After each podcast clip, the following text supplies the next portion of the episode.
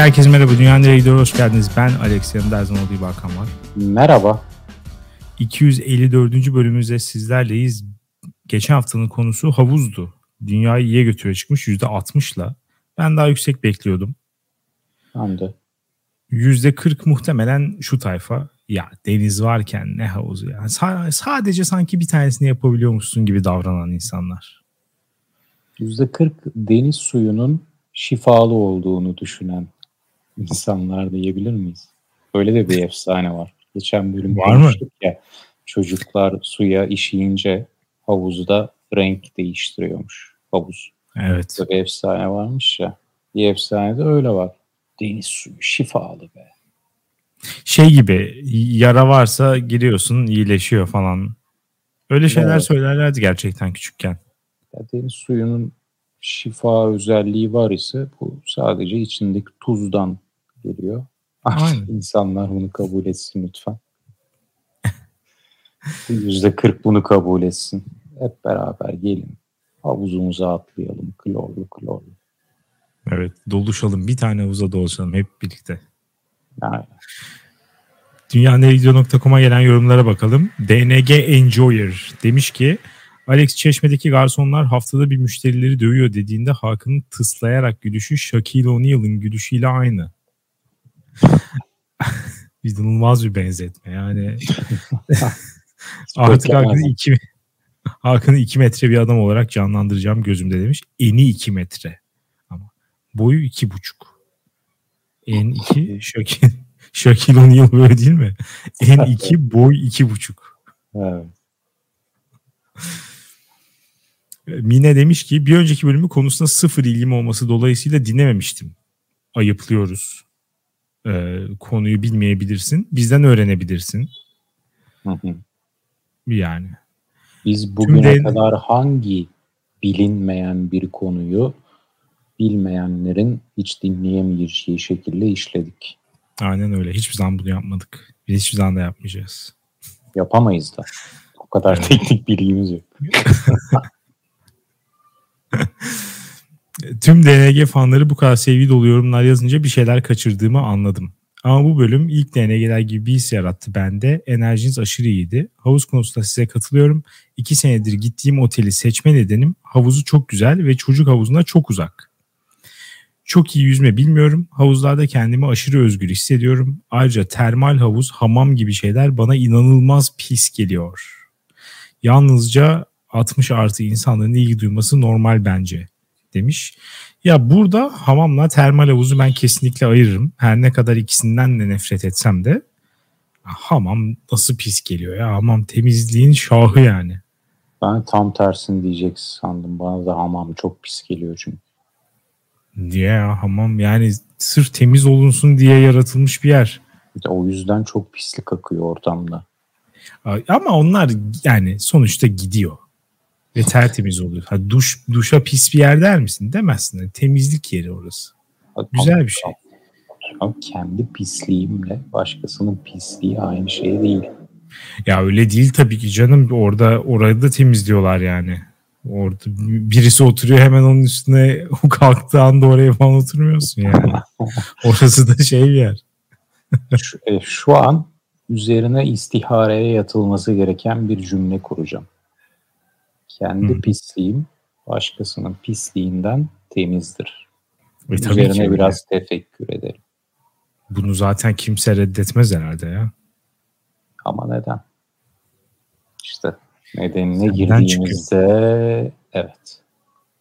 O zaman insanı biraz daha iyi anlamış olacağız. Şimdi dinleyenler durdurup daha iyi anlama konusunda bir egzersiz yapsınlar ve bitirince tekrar devam etsinler. Bölüme. 5 dakikaya görüşürüz. Ee, Limorek demiş ki Take This Waltz filmindeki havuz sahnesini izleyin. İşenince suyun renginin değişmesi teknolojisi gerçekten var sanırım demiş. Ben izledim bu sahneyi ama Limorek arkadaşımıza bir haberim var. Ya bu bir film yani.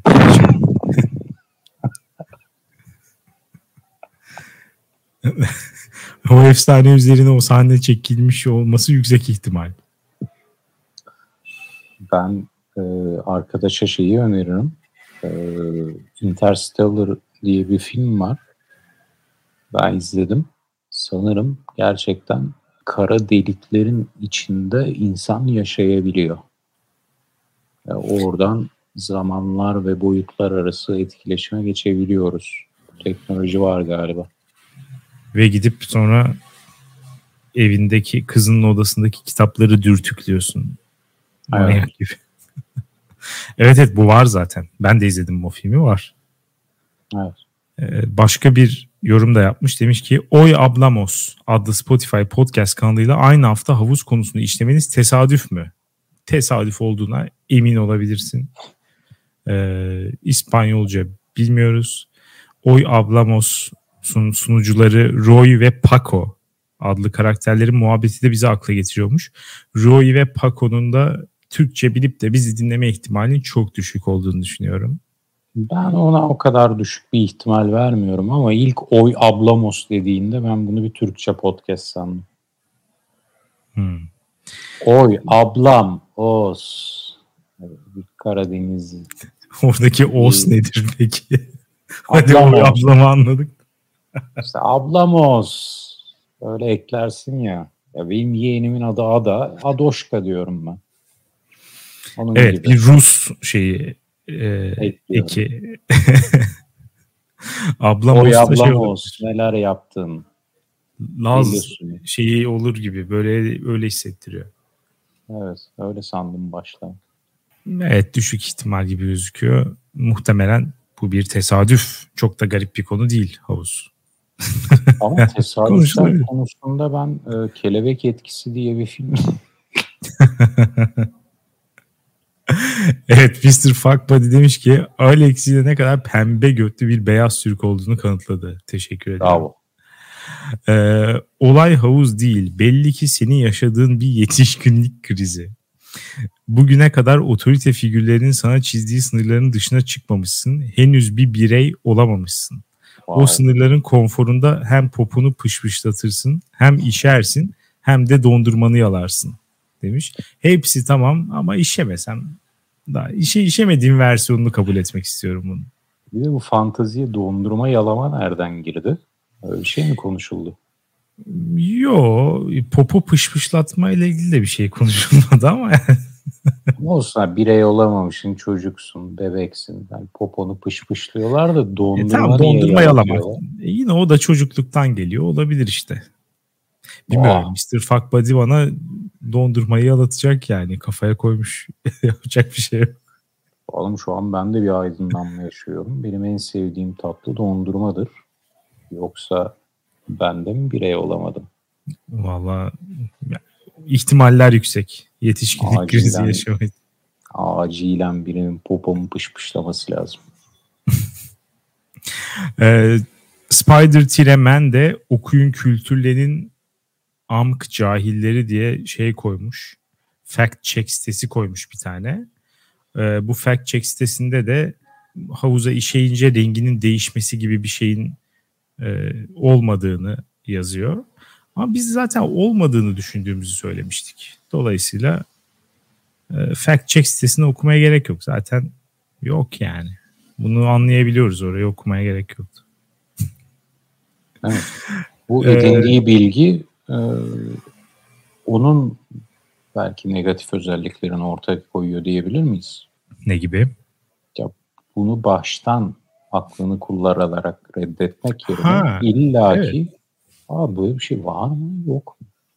İlle bir isimsiz bir fact checking sitesinde olmadığı yönündeki başkasının yazdığı bir şeyi okuyacak yani. Sanırım evet. E, krizi içinde.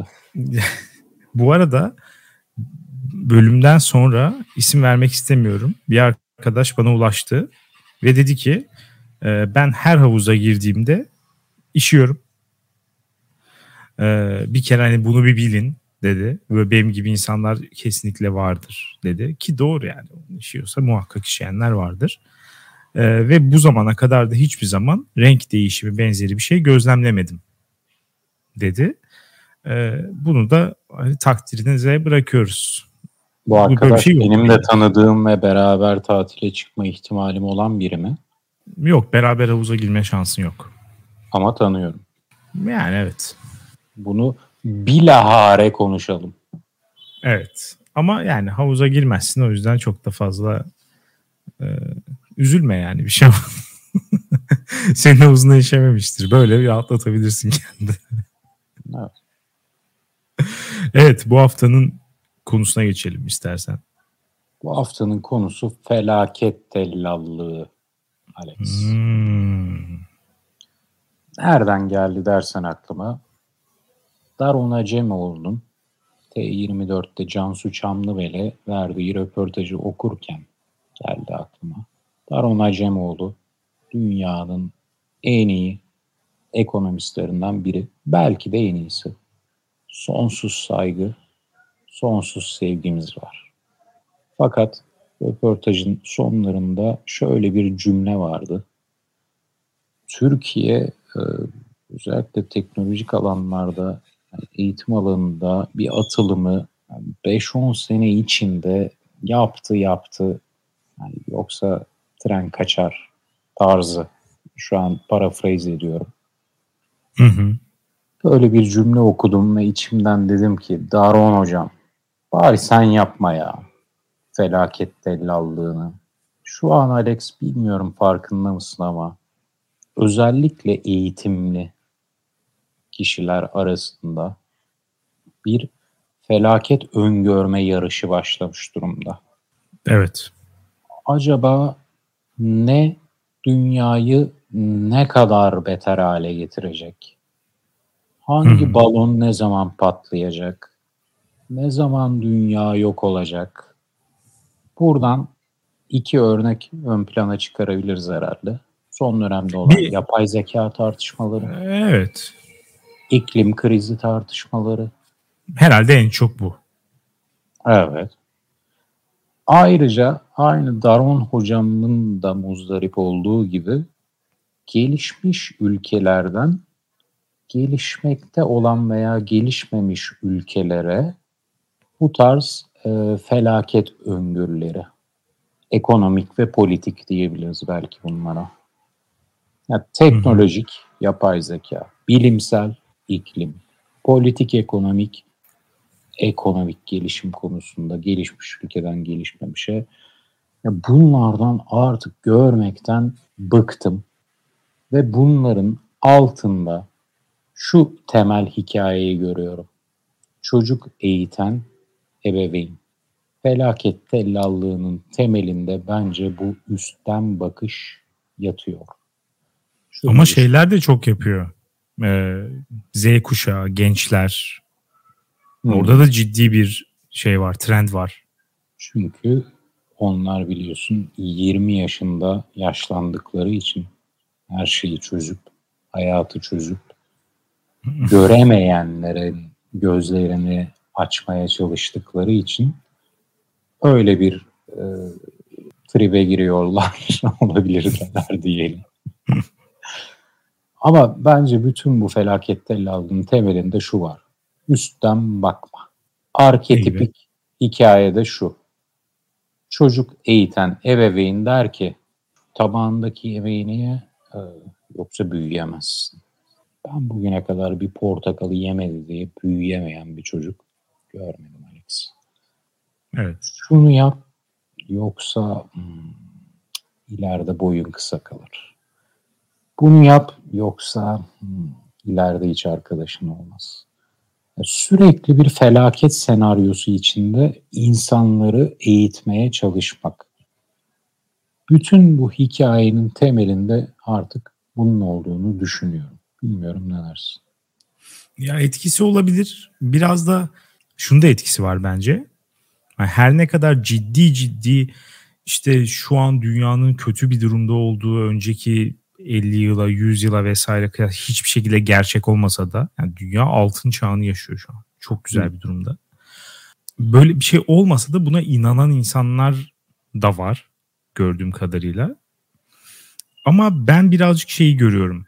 Çok az sorun var şu an dünyada. Eğer hani Ukrayna'da falan yaşamıyorsan hani eskiye e, kıyasla ya evet, ama Afrika'da eskiye kıyasla da zaten Evet. Hatta Afrika'da durum iyileşmiştir orada da yani. İyileşmiş biraz daha şu an. Yani herkesin hayatı göreceli iyileşiyor biraz biraz. Herkes demeyelim de yani ortalamanın hayatı görece iyileşiyor sürekli olarak. Ee, bu durumla bence başa çıkamıyor insanlar. Yani bu, yani? bu kadar ya bu tarz bir sorunsuzluğu kaldıramıyorlar. Ve altında hani Rahat başka batıyor bir şey, mu diyorsun? Yani özetle özetle böyle de söyleyebiliriz. Bu sefer çünkü şöyle bir şey oluyor. Ee, ya rahatladınız şöyle söyleyeyim. 1930'larda doğmuş bir insan düşünelim. Adam zaten savaş sonrası yıkımın Avrupa'da doğduğunu düşünelim. Savaş sonrası yıkım toparlanma çabası içerisinde doğuyor tamam mı? Yoksulluk bilmem ne. Zaten gençliğinin baharına yaklaşırken daha ergenken falan bir de ikinci bir savaş tekrar aynılarını yaşıyor vesaire. Ya şimdi bu adama desen ki mesela 1955'te ya abi bir savaş daha çıktı ya kusura bakma desen ya adam hani ya ne kadar koyar ki bu adama artık? Yani birazcık alışmış olur. Ama şu an böyle bir savaş çıktı, çıkarsa yani çok kötü etkileneceğiz. Çünkü herkes rahata çok alıştı. Herkes e, stabil, güvenli bir dünya içerisinde yani herkes derken bu arada her seferinde hani not düşmek istemiyorum ama işte Amerika, Avrupa, Japonya dünyanın büyük kısmı diyelim. Hani gelişmiş. ve göreceli. Evet, gelişmiş ülkeler ve göreceli olarak bakalım. Hani karşılaştırarak. Ee, şu an buna dair korku aslında o kadar fazla ki ya böyle bir şey olursa korkusu bu bence bunu üretiyor. Yani olmayacak şeyleri de bekliyorlar diyorsun üstadım. Evet yani adam Korkuyu kendi hazırlıyor aslında. bir yandan bunları söyleyerek hani durumu sanki biraz daha kontrol altına almış gibi hissediyor kendi. En azından hani böyle bir şeyin olacağını tahmin edersen yine hazırlanmak için yapacağım bir şey yok da hani en azından mental olarak e, buna kendini hazır hissetme isteği bence bir numaralı şey bu olabilir. Daron Baba'nın yorumunda şuna ben de çok ayar oluyorum. Point of no return diye bir şey vardır ya. Hani dönü dönülmez bir şeye geldik, ana geldik. Buradan artık kurtaramayız. Ya böyle bir şey yok. Böyle bir şey hiç yok yani.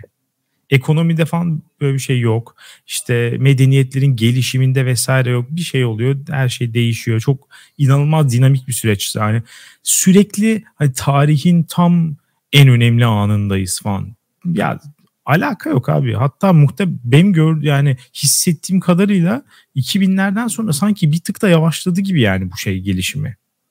Hani Hı-hı. teknolojik gelişim atılımlar falan da bir yavaşladı sanki şu an. Son Değil 20 mi? yılda. hype oluşturuluyor. Evet. Yapay zeka. Endüstri 3.0. Ama görmüyoruz. Bir şey ortada bir şey yok yani evet. Yani mesela internetin keşfi hayvani bir icat. Yani çok önemli. Ama sonrası yani internet tamam keşfedildi, yayıldı. Herkesin evine geldi internet. Sonra ne yapıyoruz abi? Sonra yaptığımız şey Twitter çıkıyor, TikTok çıkıyor bilmem ne. Yani çok böyle bir breakthrough olmuyor uzun zamandır bence. Yani o yüzden hani ben aslında akıllı telefon derim. Akıllı telefondan evet. sonra da e, yani evet. Şey görmedik yani. Aynen. Ya muhakkak alttan alta giden şeyler bir sürü hep vardır. Her zaman var. Ama yani şu an işte son 10 10 seneyi neye göre hesapladın abi? Niye 10 sene yani? Hı. Saçma sapan şeyler. O kadar afaki ya, ki. Aynı 5-10 sene önce de Türkiye için bu cümle kurulamaz mıydı? Kurulurdu ve 20 sene önce de 30 sene önce de. Aynen. Ve iddia ediyorum 1500'lerin İspanya'sında da bu cümle kurulabilirdi.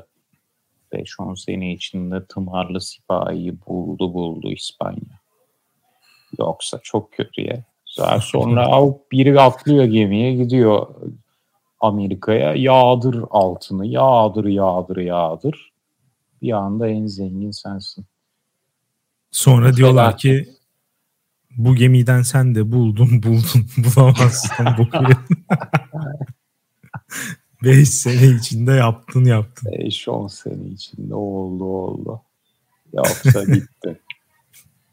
ya evet böyle şey böyle şeyler söylen söylenemeyecek kadar kompleks bir ilişkiler ağı içerisindeyiz yani. İşte çünkü çocuk gibi bakıyorlar. Yani açık konuşalım. elitler versus küçükler diyelim. Her alanda.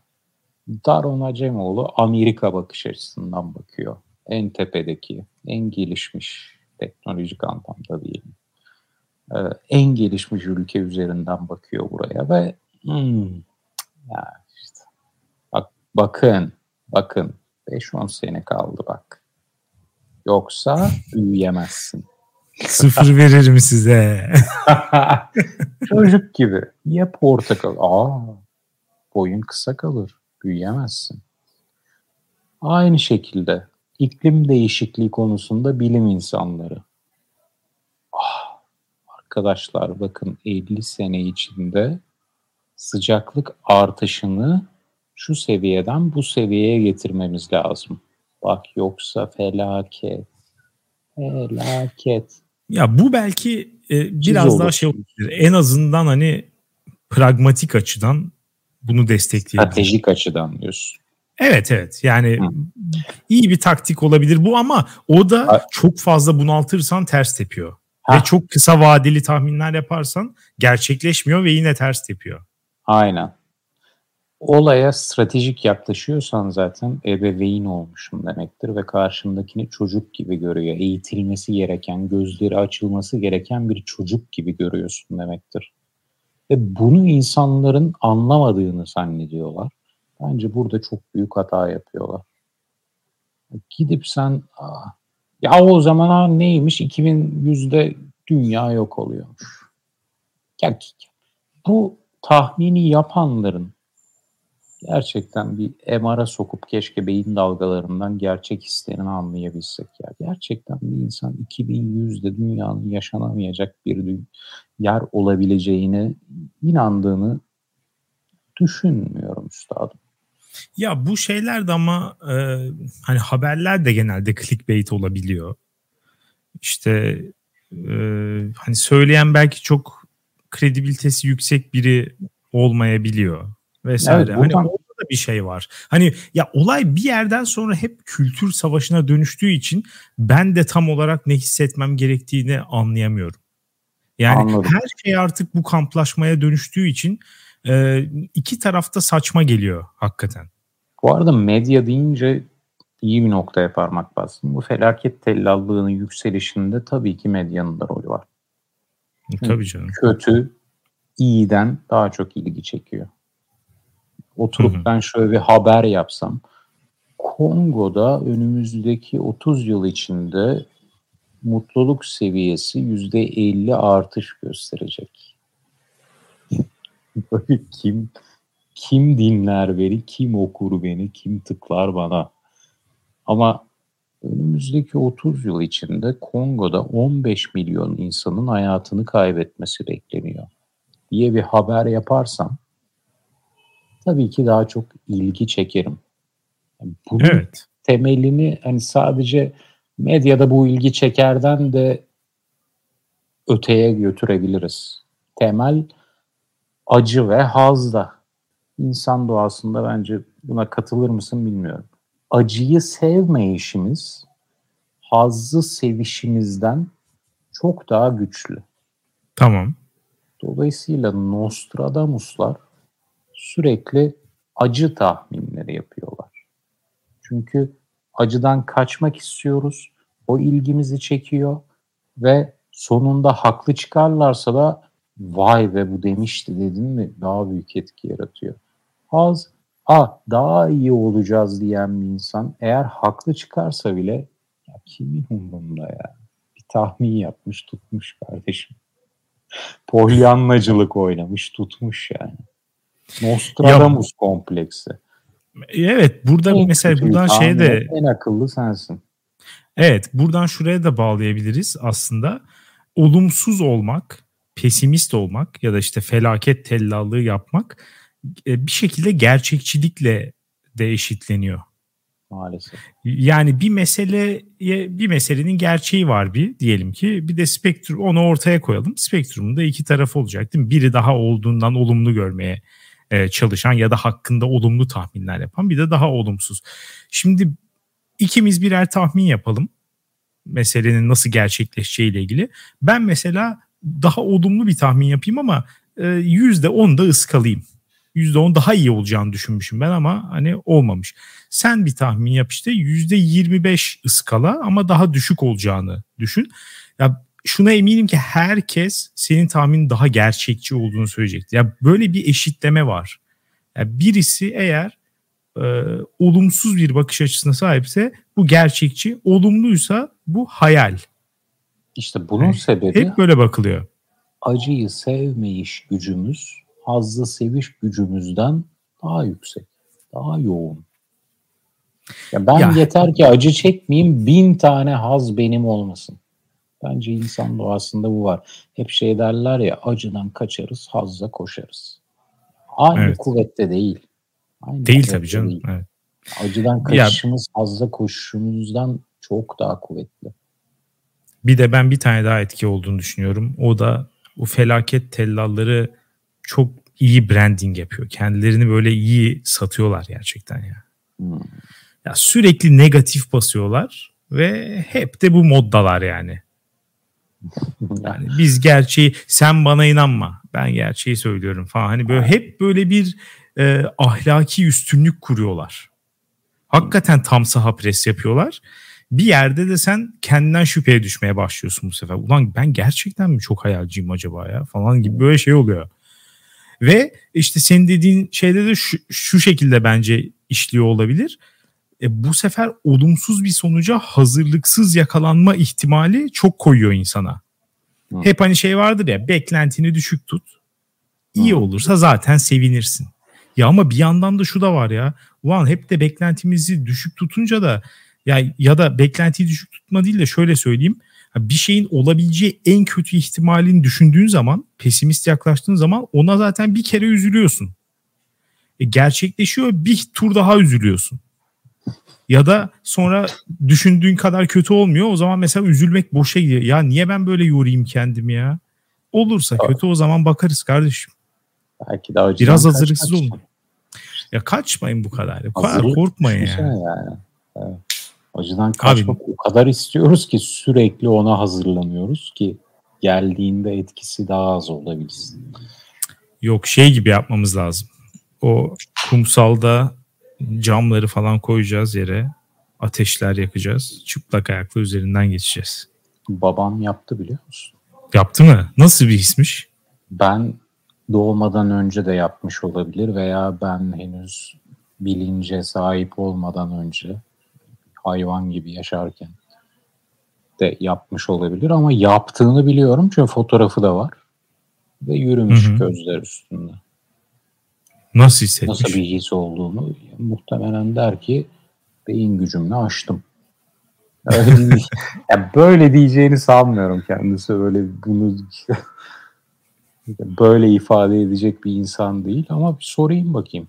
Zaten şu an kesin dinleyecektir bunu. o zaman muhabbeti geçecektir. Evet. Onu bir sonraki gördüğümde bu muhabbeti yapar. Neler Güzel ben de merak söylerim. ettim. Sen ne diyecektin? Gömecektin ateş üstünde yürüyecekleri. Tam göm, tersi. Göm. Böyle yap, böyle yapıp alışalım ki acıya. Ondan sonra artık şeyi salalım yani. Hani bu kadar her türlü acı ihtimalinden kaçma olayını salalım. Biraz daha alıştıralım kendimizi. Hmm, evet. Bir, bir, evet. rahatlayalım yani aşı gibi ufak dozlarda sürekli kendimize Aynen. acı. Ama şimdi bu felaket tellalları, pesimistler de der ki e biz de tam onu yapıyoruz. Sürekli olarak kendimizi mutsuz ediyoruz. Geleceği mutsuz hayal ederek, öngörerek. Ama bak fark Adam, şurada. Ben bıktım. Bunlar... Ben artık sürekli umutlu insanlarla takılmak istiyorum. Sürekli pozitif basılsın bana. Desinler ki 30 yıl sonra var ya uçacağız uçacağız ya. Hani o kadar mutlu olacağız ki anlatamam. Ya bunu diyen bir insan ya 30 yıl geçti diyelim. bu insanın sence tahminin tutma ihtimali var mı? Kim der ki? Olabilir. olabilir. Acayip mutluyuz be. Kimse demiyor işte bunu. Ama iyi durumdayız herkes diyebilirsin. Hep... Şikayeti seviyor canım herkes. Haklı çıktı. Haklı çıktı Nostradamus. Dağıldık, bittik. Ya yapay zeka dünyayı ele geçirecekmiş. Ya ya hisler değil de objektif durumlar üzerinden tahmin yapıp e, bunu şey yapmayı bilmeyi çok isterim. Bundan sonra her durumda pozitif tahminler yapacağım geleceğe dönük. Ya lütfen, lütfen üstadım. Özellikle benleyken buna dikkat et. Ya ben zaten bu arada ben ona döndüm zaten ya pozitif vibes on ya artık negatif basmıyorum hiç. Ve gerçekten ben de etrafında e, çok bunu abartanlar gerçekten beni de yormaya başladı. E, bir de mesela bunların bir sıkıntısı da şu hani hiçbir şekilde bağışıklık da kazanmıyorlar. Dedin yani küçük dozlarda kendimize bunu verir falan. Tamam kendi alıştır ama bir yerde de alış artık ya. Hani sürekli bunu onlar müptelası olmuş. Hmm. Hem sürekli negatif basıyor. Negatif bastıkça oradan güçleniyor daha da negatif basıyor. Yani bu kardeşim işte, dibe gide gide gide gide ne kadar bunu yani şey yapacağız. En büyük motivasyonlarından birini sen söyledin. Gerçeği görüyorum ben siz cahiller cahil mutluluğunuzu yaşamaya devam edin. Bu his yaşatıyor evet. onu. Ben Maalesef. o kadar zekiyim ki ne felaketle karşılaşacağımızı ben görüyorum ama siz göremiyorsunuz. Bu Dediğim şeyi takip... Ebeveyn çocuk bu net okumuş elit kendini gören bunu sözlü ifade etmese de toplumda baktığında ha bu tip kendini elit görüyor. Diyeceğin insanların artık ortak özelliği haline geldi felaket sıçmak. Çok kötü. Ee, Twitter'da Dumuzi diye bir hesap var. Hiç gördün mü? Rastladın mı? Hayır. Adamın olayı şu. İşte Doom'dan e, mı geliyor? Doom. Zannetmiyorum. O çünkü öyle o öyle olduğunu düşünmüyordur yani yine. O böyle daha gerçekçi olduğunu düşünüyordur. Ama adamın olayı e, böyle savaş, konflikt ve işte şey e, savunma sanayi ile ilgili haberler falan. Şimdi bu adamı bir takip et. Hesabına gir. Tamam mı? Bu adamı takip eden herkes sürekli 3. Dünya Savaşı'nın çıkacağını düşünüyor. Ama her gün yani. Tamam mı? Hep şöyle şeyler var. Pakistan kırmızı alarma geçti. Nükleer füze başlıkları şu anda takılı. Yani bir gün bu. Ertesi gün mesela işte şey Ukrayna semalarında F-16'lar bilmem ne radarını kapattı. Bunun ne anlama geldiğini çok iyi biliyorsunuz. Yani sürekli bu mod sürekli birileri savaşa hazırlanıyor. Sürekli büyük olaylar oluyor ama hep hazırlık. Yani hep böyle çünkü olmuyor çünkü bunlar yani. Hep inanılmaz büyük olaylara hazırlanılıyor sonra bir sönümleniyor. Ya bunu takip eden adamlar da demiyor ki ya ulan bu nasıl iş ya? Nasıl her gün bu kadar büyük sorunlar çıkacak da son saniyede engelleniyor? Demiyor adam çünkü junkie olmuş yani. Felaket junkisi olmuş. dizisi gibi. Evet.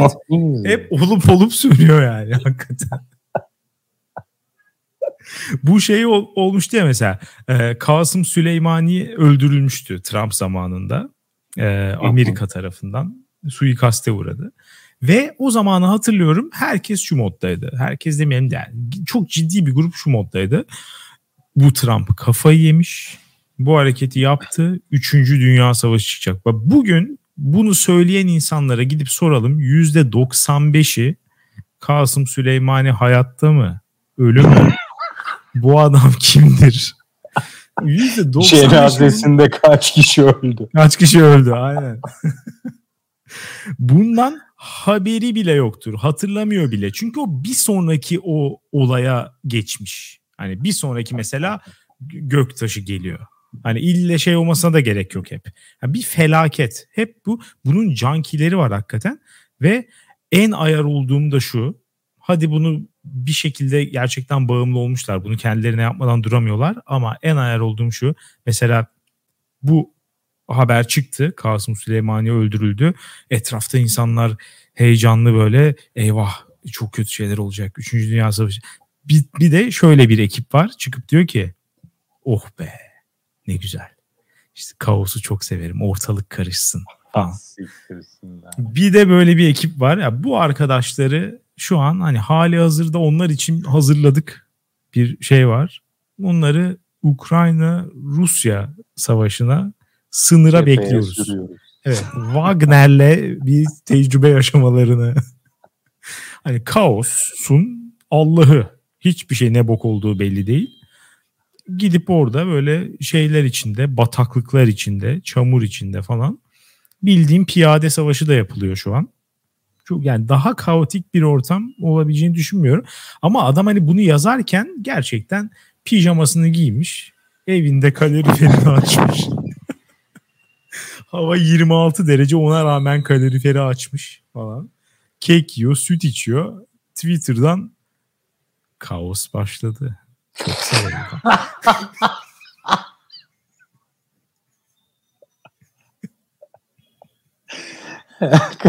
kaos başlasın. o başlatıyor. Yönetmen o. Görsel evet ya bu ekip hakikaten artık beni çok kötü baydı yani. İkisi birden baydı da bu keyif aldığını söyleyen artık şu dünyanın sonu gelsin artık falan. Ya siktir git ya. Gelmeyecek abi dünyanın sonu. Biz mem memnunuz bir de yani. Niye dünyanın ya, sonu geliyor? Öyle bir şey yok. Buradan Daron Üstad'a dönüyorum. Daron hmm. Baba. Türkiye 5-10 yıl içinde o atılımı gerçekleştiremiyorsa, bittiyse Afrika ne yapsın Daron Baba? Onlar zaten. Bunlar açık açık o zaman konuşalım Afrika'yı önümüzdeki 100 yıl falan. Wow. Ya insanlar yaşıyor ya. Şimdi bu arada şuna da eminim. Daron Ecemoğlu'na şunu sorarsan. Hocam sizce yaşamdaki en önemli şey ekonomik gelişme midir? Ekonomik refah mıdır? Bunu sorarsan şunu şu cevap verecektir. Hayır. Hatta ben tarihi bir gelişim, bir ilerleme süreci olarak değil, daha döngüsel, yani mutluluğa odaklı bir süreç olarak düşünüyorum. Avcı toplayıcı toplulukta gibi de şu anki modern insandan daha mutlu olabilir ve aradaki teknolojik gelişimine belki gelişme de diyemeyebiliriz. Diyecektir belki. Burada yanlış anlamayın hani Darwin Acemoğlu buna bu cevabı verir demiyorum. Belki o ilerlemecidir, tarihi ilerliyor diye neredendir ama bu tarz felaket tellalı elitlerde böyle bir ikilem de var.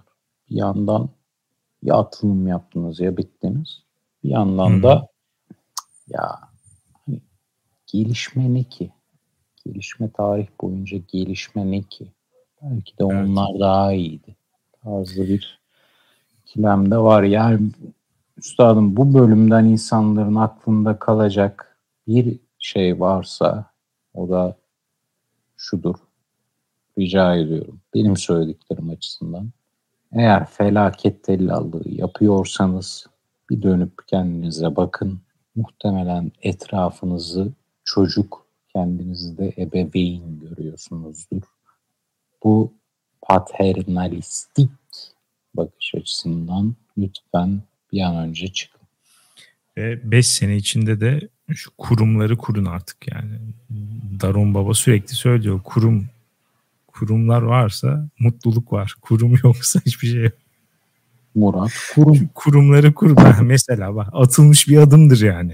Öyle bir Zaytungi esprisi vardı ya. Yanlış hatırlamıyorsam. Şu an hatırlayamayacağım da Daron Acemoğlu'nun ağzından Murat Kurum'la ilgili bir espri yapmışlar. evet. Yani duymuş kadar olduk zaten. Güldük çünkü. Ama bu olay hakikaten ben de şunu bitireyim. Yani gerçekten çok kötüye götürüyor bence. Çünkü acayip bir umutsuzluk pompalıyor ve ya çünkü salıyorsun abi. Şimdi mesela diyor ya mesela 5-10 sene içerisinde kurumları kurmazsa Murat Kurum'u da devlet başkanı yapmazsan geçmiş olsun diyor mesela. Daron abi böyle diyor. Abi şimdi mesela 7. yıldayız diyelim ki ben bakıyorum hiçbir şey olmamış. Şimdi kalan 3 yılda olmayacağı belli. Dolayısıyla yani salarım, salarım. Ve sürekli ne yapalım? Eğer... O an Daron Acemoğlu'na ülkece mesaj atalım. Mail. Mesaj değil. Hı hı. Hocam o 5-10 sene içinde öngördüğünüz atılımı yapamadık. Şu an hayatımızın değersiz olduğunu hissediyoruz. Ne yapalım? Davron Baba Cevap. da inşallah şöyle döner. Kendinizi öldürünüz. Evet. Cevap ülkeyi tasfiye kurumu kurulmalı. Moratorium kurumu acilen göreve gelmeli. Ama gerçekten ama bu yani şey veriyor ya. Yani e, sürekli hiçbir şey değişmez düşüncesini gerçekten beraberinde getiriyor. Artı bir de e, bir bencillik de geliyor. Yani herkes kendi kurtarmaya bakmalı düşüncesi de geliyor. Bu hmm. doomer, doomer kafa yapısında bu da var bence. Çok doğru diyorsun. Sen de hep söylersin ya, bütün sorumluluğu bireye yükleyen bir kültür noktasına geldik. Evet. Başaramıyor musun? Ah, sen yeterince çabalamadın demektir. Şunu mu yapamadın? Hmm, sende bir problem var demektir. Bunu aynı ülkelere de çevirebiliriz. İklime de çevirebiliriz. Ülkelere çevirelim mesela. Hmm. Afrika, Kongo. 5-10 yıl içinde atılımı yapamadın mı? Senin sorumluluğun. Cız. Evet, ben sana söylemiştim yapman gerekti. ben sana portakalı yemezsen büyüyemezsin dedim. Bak büyüyemedin. Arkanda 500 yıllık bir sömürü geçmiş olabilir.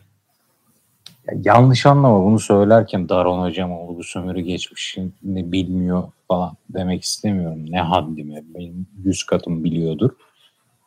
Ama bu yaklaşımda bu üstten bakıcı yaklaşımda dediğin gibi sorumluluğu bireye veya ülkeye veya bilimsel iklim değişikliğini kabul etmeyenlere yükleyip kurtulma gibi bir güdü görüyorum ben. Evet. Burada zaten önemli olan bilip bilmemek değil de daha çok hani meseleyi nereden kavradığınla alakalı. Yani vurguyu nereye yapıyorsun? Yoksa herkes biliyor ama onu olduğundan önemsiz göstermek bir tercih yani. O tercihi yapıyorsa eleştirilmeyi hak ediyor bence. O yüzden e, Daron abide de o birazcık sanki var gibi gözüküyor açıkçası. Ama yani şimdi bir yandan da bakınca ya Zambiya yapısal reformlarını gerçekleştirmiyor abi bir türlü.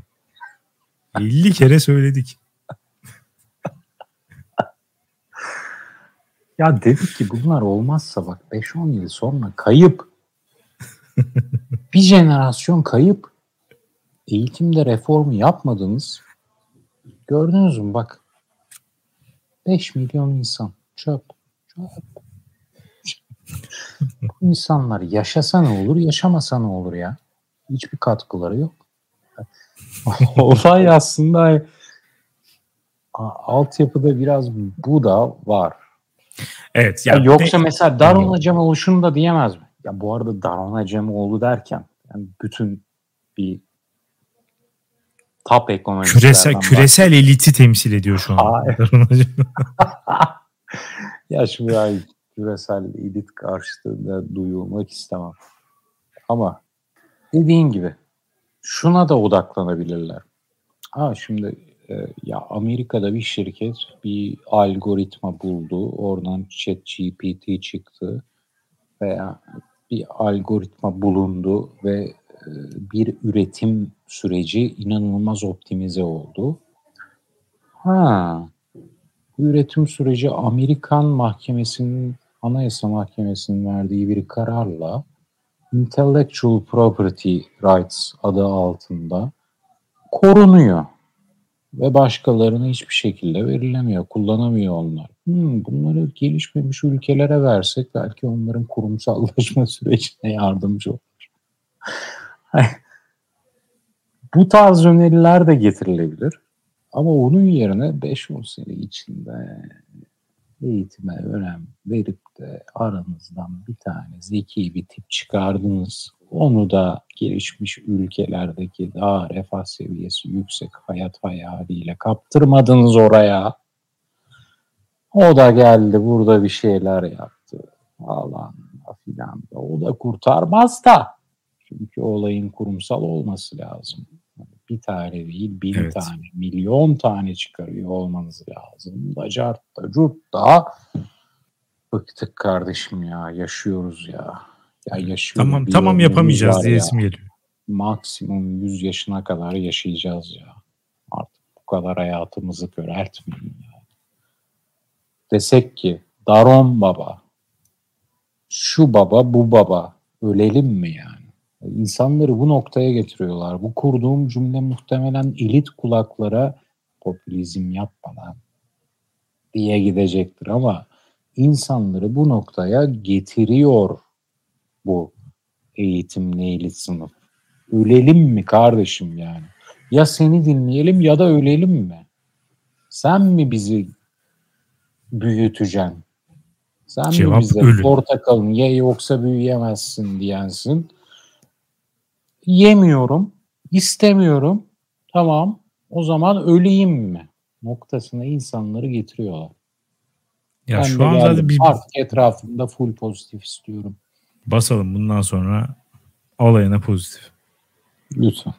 Sizde nasıl bu bölüm hisler yarattı bilmiyorum. Lütfen sadece pozitif yorumlarınızı dünyaneregidiyor.com'a yaparsanız biz de bir sonraki bölümde okuyup çok mutlu olmak istiyoruz. Dünyanın geleceğiyle ilgili kötü tahminler. Hatta şöyle söyleyeyim.